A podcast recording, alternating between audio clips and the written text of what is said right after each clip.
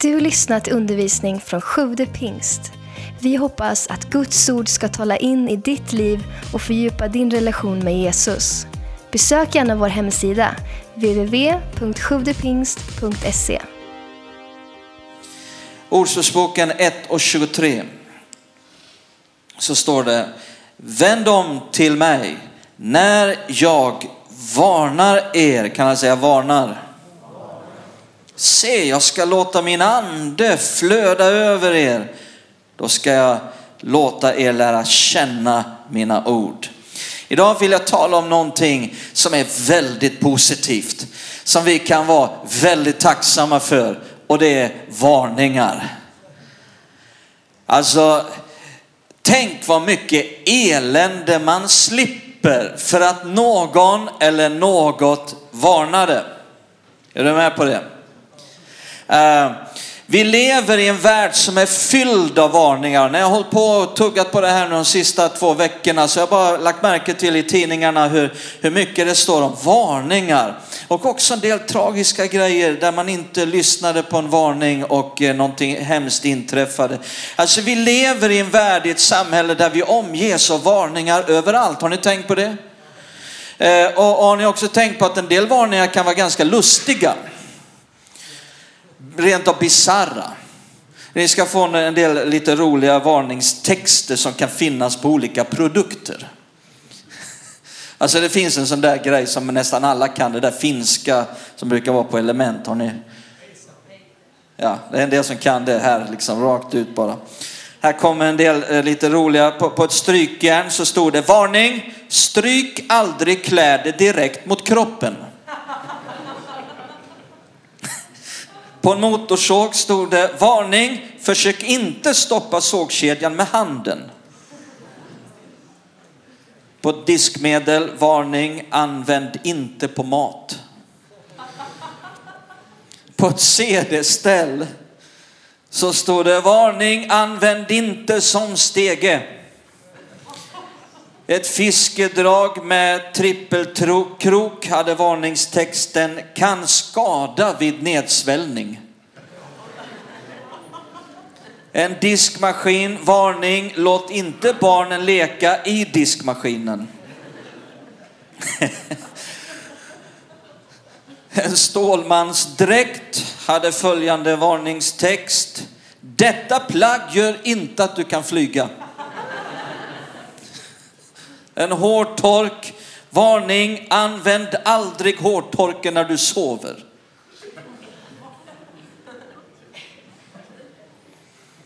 Färgtoner för laserskrivare, varning, ät inte färgpulvret. Pepparspray för självförsvar, varning, kan irritera ögonen.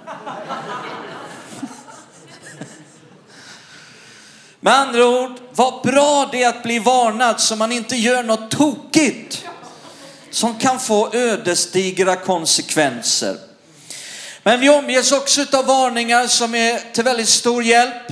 Eh, som inte bara är roliga och lustiga utan som eh, kan verkligen vara till stor hjälp om vi ser dem, om vi hörsammar dem, kan bespara oss från så mycket elände och rädda oss ifrån en, en hel del ganska negativa situationer.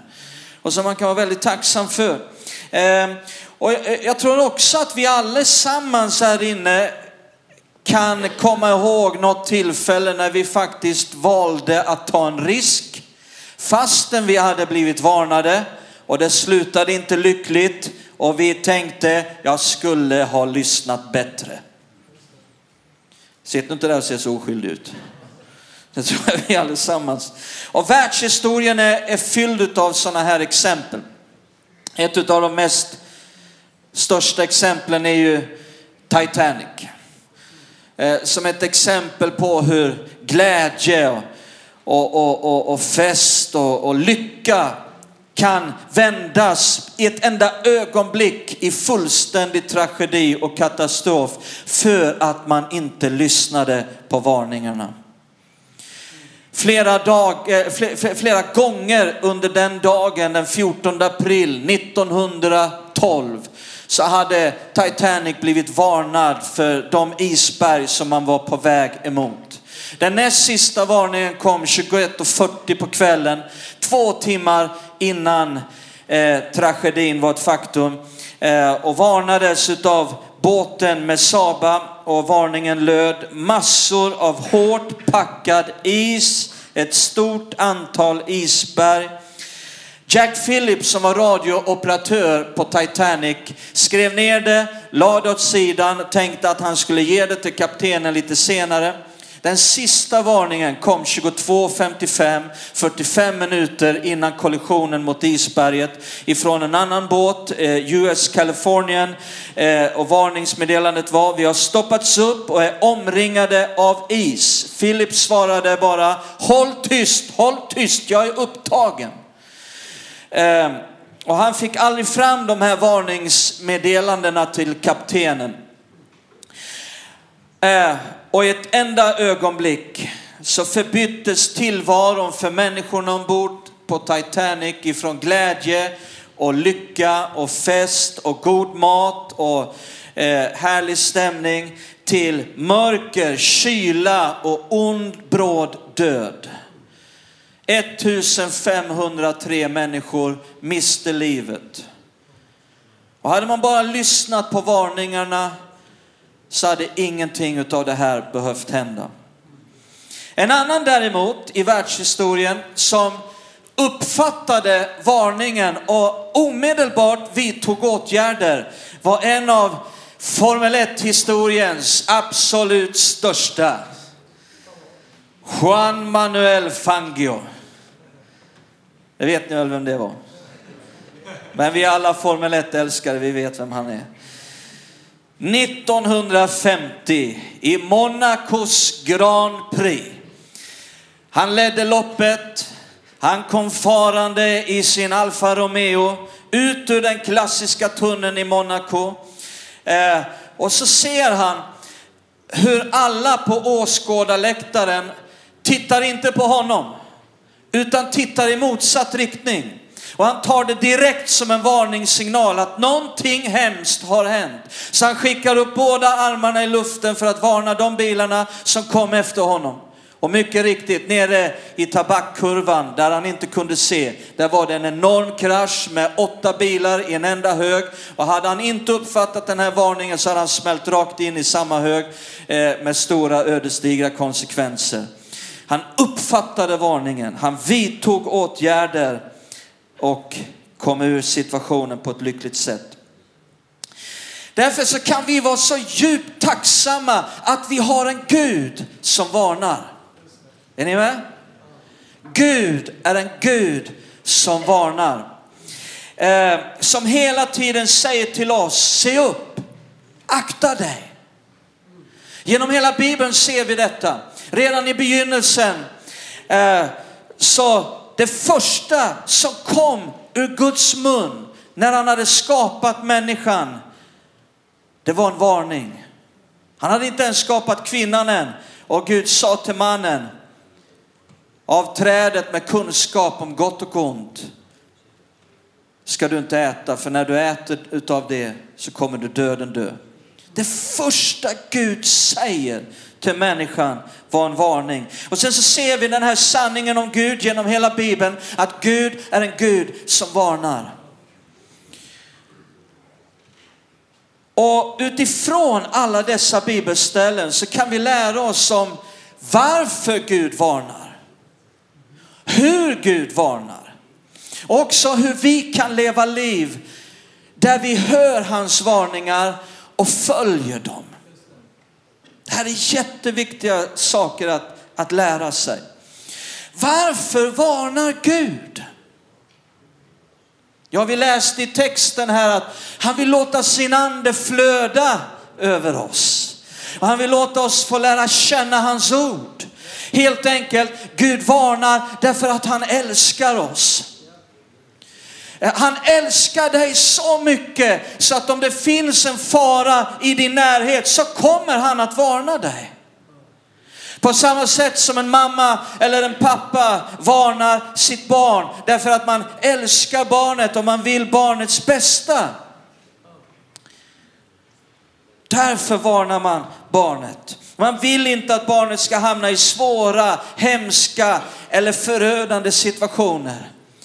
På samma sätt som en lagledare varnar sitt lag. För att man älskar laget. Man vill lagets bästa och man vill inte att laget ska hamna i en svår eller rent utav katastrofal situation. Uh, motivet till varför Gud varnar är kärlek. En fiende varnar sällan, utan sitter stilla och hoppas att de ska fortsätta längs den där vägen som leder till en förödande situation. Gud älskar dig, därför vill han varna dig. Gud är en Gud som varnar.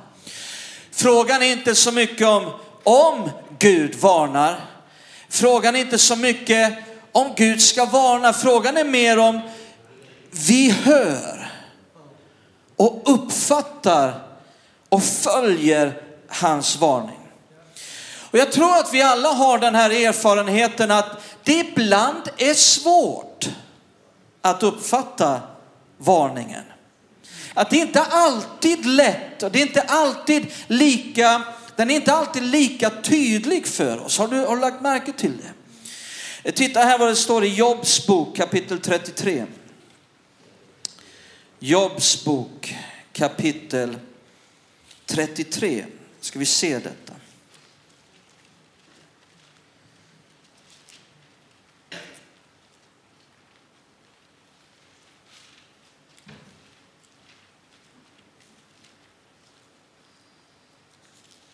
Jobb 33, vers 14 till 18.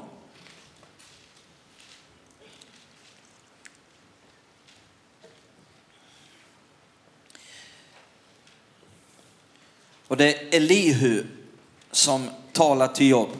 De där tre vännerna hade hållit på här i en massa kapitel och det hjälpte inte Jobb det minsta. Men så kommer Elihu. Han, han har väldigt mycket bra att säga. Gud var inte vred på det som han hade sagt. Gud var däremot vred på både Jobb och de där andra vännerna pratade. Och då står det så här i vers eh, 14 till 18. Gud talar både en och två gånger utan att man bryr sig om det. I drömmen, i en syn om natten, när sömnen fallit tung över människorna och de slumrar i sin bädd. Då öppnar han människornas öron och bekräftar deras tuktan för att hindra människan från en ogärning och hålla henne borta från högmod. Han bevarar hennes själ från graven och hennes liv från att falla för svärd. Ser ni här att det handlar om att det väntar svåra saker. Gud vill tala både en och två gånger i drömmen, i en syn om natten. Men frågan är om vi bryr oss om det, säger Elihu. Eh, och varför är varningen inte alltid tydlig för oss? Ibland kan det bero på att vi är så målinriktade och envisa och bestämda över att göra en sak på ett visst sätt längs en viss väg så att vi vill inte, eh, vi har svårt att ändra på något om något eller någon skulle dyka upp och varna oss och vi därmed blir tvungna att stanna upp och omgruppera och välja en annan väg som vi tycker blir en omväg eh, och som kommer att göra att det tar mycket längre tid. Är ni med? Ibland kan det vara att vi har svårt att uppfatta varningen för att vi har blivit så bekväma.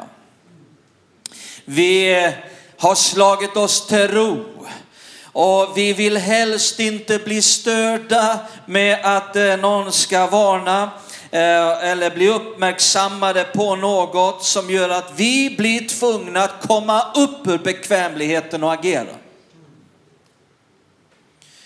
Ibland så kan det vara för att vi är så glada i hågen. Och vi kommer glada och trallande längs vägen. Och vi vill helst inte bli störda i vår glädje eh, med något allvarligt. Och även om varningen kommer i all kärlek och man eh, skulle kunna borde känna att varningen är ljuvlig för oss så tycker vi att den är jobbig. Vi uppfattar den inte som ljuvlig utan tvärtom som jobbig. För någonting måste ändras och någonting måste korrigeras. Och det skulle kunna bara vara enklare att bara få ånga på och fortsätta och vifta bort det hela och säga det är nog ingen större fara. Men jag tror att det kanske är när vi är som gladast i hågen som vi ofta behöver ha ett extra lyssnande öra. Ibland har det hänt under min uppväxt, när jag var barn eller jag var i tonåren, att mamma eller pappa var tvungna att säga till mig, men vi sa ju till dig. Jag sa ju till dig. Och i vuxen ålder så har det hänt både en och annan gång att min fru har blivit tvungen att säga, men Sven, jag sa ju till dig. Hallå, sitt nu inte där och se så oskyldig ut. och nu på senare år, de sista åren, så har det hänt allt som oftast att mina barn har blivit tvungna att säga, men pappa, vi sa ju att det inte skulle gå. Oj, vilka historier jag skulle kunna berätta just nu. Men det skulle ta för lång tid. Oj, oj, oj, de har mycket att skratta åt. Här ska vi se några som inte ville lyssna. Titta i första Samuelsboken kapitel 18. Första Samuelsboken 18. Nej, 8, förlåt mig. 10 till 19. Första Samuelsboken 8. 10 till 19 så står det så här. Det är Samuel, profeten och folket. Och då står det här, allt som Herren hade talat sa Samuel till folket som hade begärt en kung av honom. Folket vill ha en kung. Vi vill vara som alla andra folkslag runt omkring. Han sa, och så nu vill Samuel varna dem om de nu vill ha det så här, för att grejen var att det var Gud som skulle vara deras kung.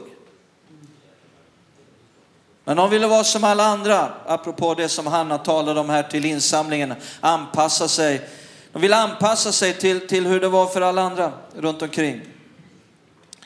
De ville ha en kung. Och då ville Samuel varna, ja, om ni vill ha kung, då är det det här som kommer hända ifrån vers 11 han sa, denna rättighet får den kung som kommer att regera över er. Han ska ta era söner till att göra tjänst på hans vagnar och bland hans ryttare och springa framför hans vagn. Han ska sätta dem till befäl över tusen och till befäl över femtio och till att plöja hans åkrar och bärga hans skörd eller till att tillverka hans krigsredskap och utrustning för hans vagnar. Era döttrar ska han ta till att göra salvor och laga mat och baka bröd. Era bästa åkrar, vingårdar och livlundar ska han ta och ge åt sina tjänare. Han ska ta tionde från era sädesfält och era vingårdar och ge åt sina hovmän och tjänare. Han ska ta era tjänare och tjänarinnor, era bästa unga män, liksom era åsnor och använda dem för sitt behov. Han ska ta tionde av er småboskap och ni kommer att bli hans tjänare. När ni då ropar på hjälp mot er kung som ni har valt åt er, då kommer Herren inte att svara er.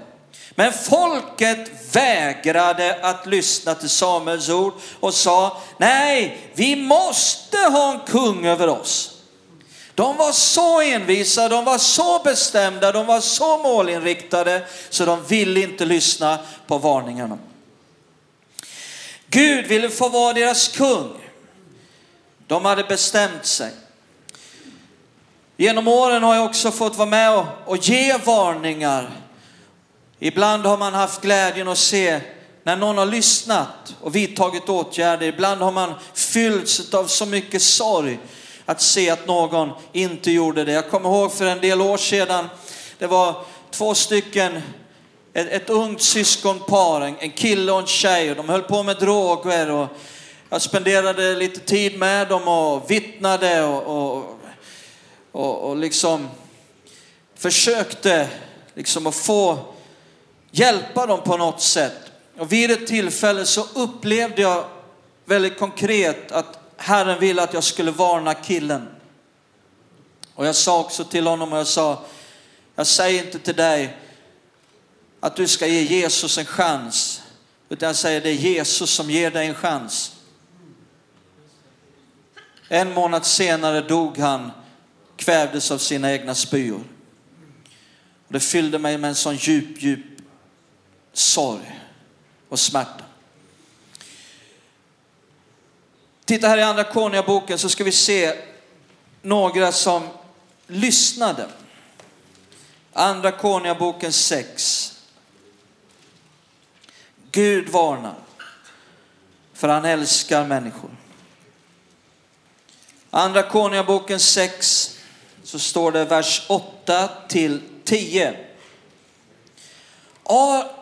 Arams kung låg i krig med Israel när han rådgjorde med sina tjänare och sa på den och den platsen ska jag slå läger. Sände gudsmannen bud, Elisa, till Israels kung och lät säga se till att du inte drar förbi den platsen för arameerna ligger där. Då sände Israels kung folk till den plats som gudsmannen hade angett för honom och varnat honom för. Och han aktade sig noga där. Detta hände inte bara en eller två gånger. Så här har vi kungen i Israel. Han lyssnade på Elisas varningar och vidtog åtgärder varje gång. Vad viktigt det är att lyssna på varningarna. Varnar då Gud? På vilket sätt varnar han? Titta här i Matteus 2. Matteus 2.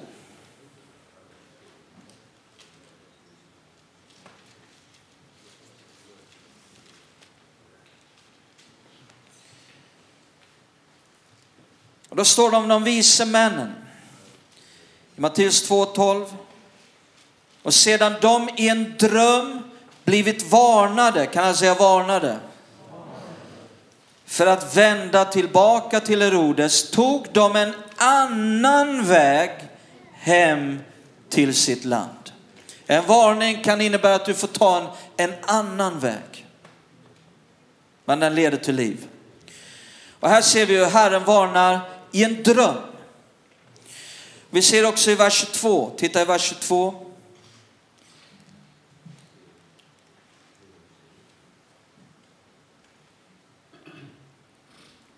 Men när han hörde att Arke, Arkelaus var kung över Judeen efter sin far Herodes vågade han inte bege sig dit. Och sedan han i en dröm blivit varnad för detta drog han bort till Galileens område.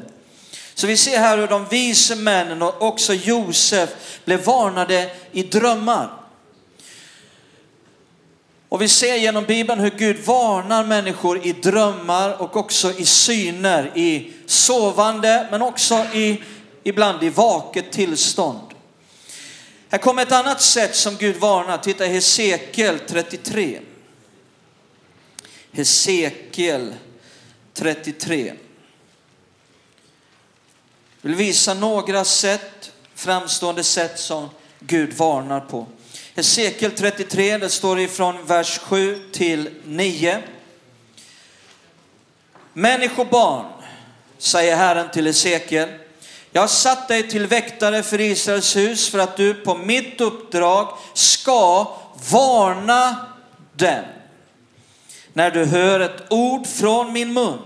När jag säger till den ogudaktige, du ogudaktige, du måste dö och du då inte varnar honom för den väg han går, så ska den ogudaktige dö genom sin missgärning, men hans blod ska jag utkräva av din hand. Men om du varnar den ogudaktige för den väg han går, för att han ska vända om från den, och han ändå inte vänder om från sin väg, då ska han dö genom sin missgärning, men du själv har räddat ditt liv. Så här ser vi hur Gud använder människor för att varna. Titta också i Hebreerbrevet kapitel 11.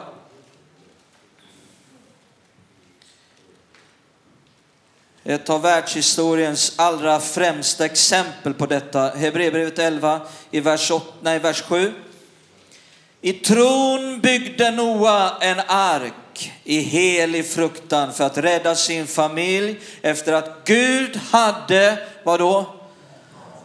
Varnat honom för det som ännu ingen hade sett. Genom tron blev han världen till dom och ärvde den rättfärdighet som kommer av tro. Eh, redan Noas farfars far, Hanok, var en som varnade för den kommande domen. Och Noa var en rättfärdighetens förkunnare som varnade folket. Varenda hammarslag i, på arken varnade folket för, den, för det som skulle komma. Eh, och, och, Gud använde Noa för att varna människor. Titta i Apostlagärningarna 20 också. Tar ytterligare ett exempel på detta.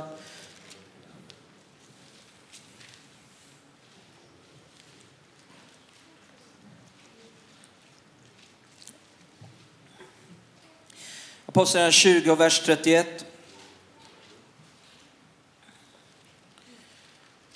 Då Paulus är tillsammans med ledarna, församlingsledarna i Efesus, han ska lämna dem. Och då står det, var därför vakna och kom ihåg att jag i tre års tid, alltså lyssna på detta, tre års tid, natt och dag, aldrig slutat förmana var och en av er under tårar. Alltså i tre års tid eh, höll Paulus på och, och, och, och, det var mycket, mycket varningar i detta. Om man backar upp här så, eh, så handlar det om hur Paulus han, han varnade för, för saker som skulle kunna komma efter att han hade lämnat dem. Eh, så att Gud varnar oss genom andra människor. Han vill använda andra människor för att också varna oss. Och, och som vi såg, eh, så vi har redan sett hur det är på grund av kärlek som Gud varnar. Det finns vissa människor som vill dyka upp och, och gärna varna, men man känner ingen kärlek. Hallå? Och, och, Paulus säger i första Korintierbrevet 13, kärlekens lov, han säger att det positiva man gör förlorar sitt värde om det inte finns kärlek. Och så förklarar han där i, i de verserna att, att kärleken brusar inte upp, kärleken är mild, kärleken beter sig inte illa, kärleken tror det bästa, hoppas det bästa. Uh, och Paulus han, han varnade i tårar, inte i hårdhet. Och de som tog emot varningen, de kände kärlek, de kände sig inte nedtryckta och utdömda. Är ni med? Det här är också väldigt viktiga bitar om man nu vill bli använd på det här området av Gud att varna. Att man förstår hur Gud varnar, varför han varnar. Titta också i Apostlagärningarna 27. Där Paulus återigen blir använd av Gud för att varna. Så lär vi oss ytterligare ett sätt på vilket Gud varnar. I kapitel 27 och vers 9 och 10.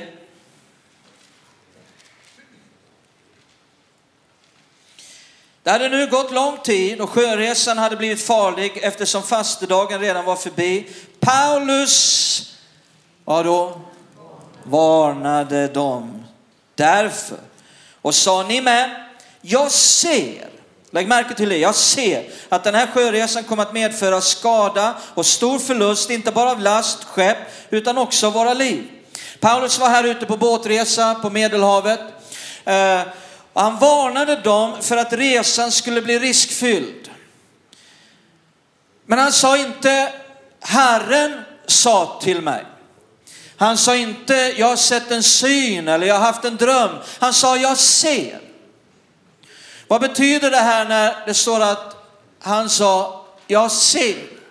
Eh, eh, det är ju konstigt att, att inte kaptenen såg det. Att sjömännen såg inte det. Eh, de sa inte, ja men det ser vi allihopa. Paulus han, vad var det han såg som de inte såg?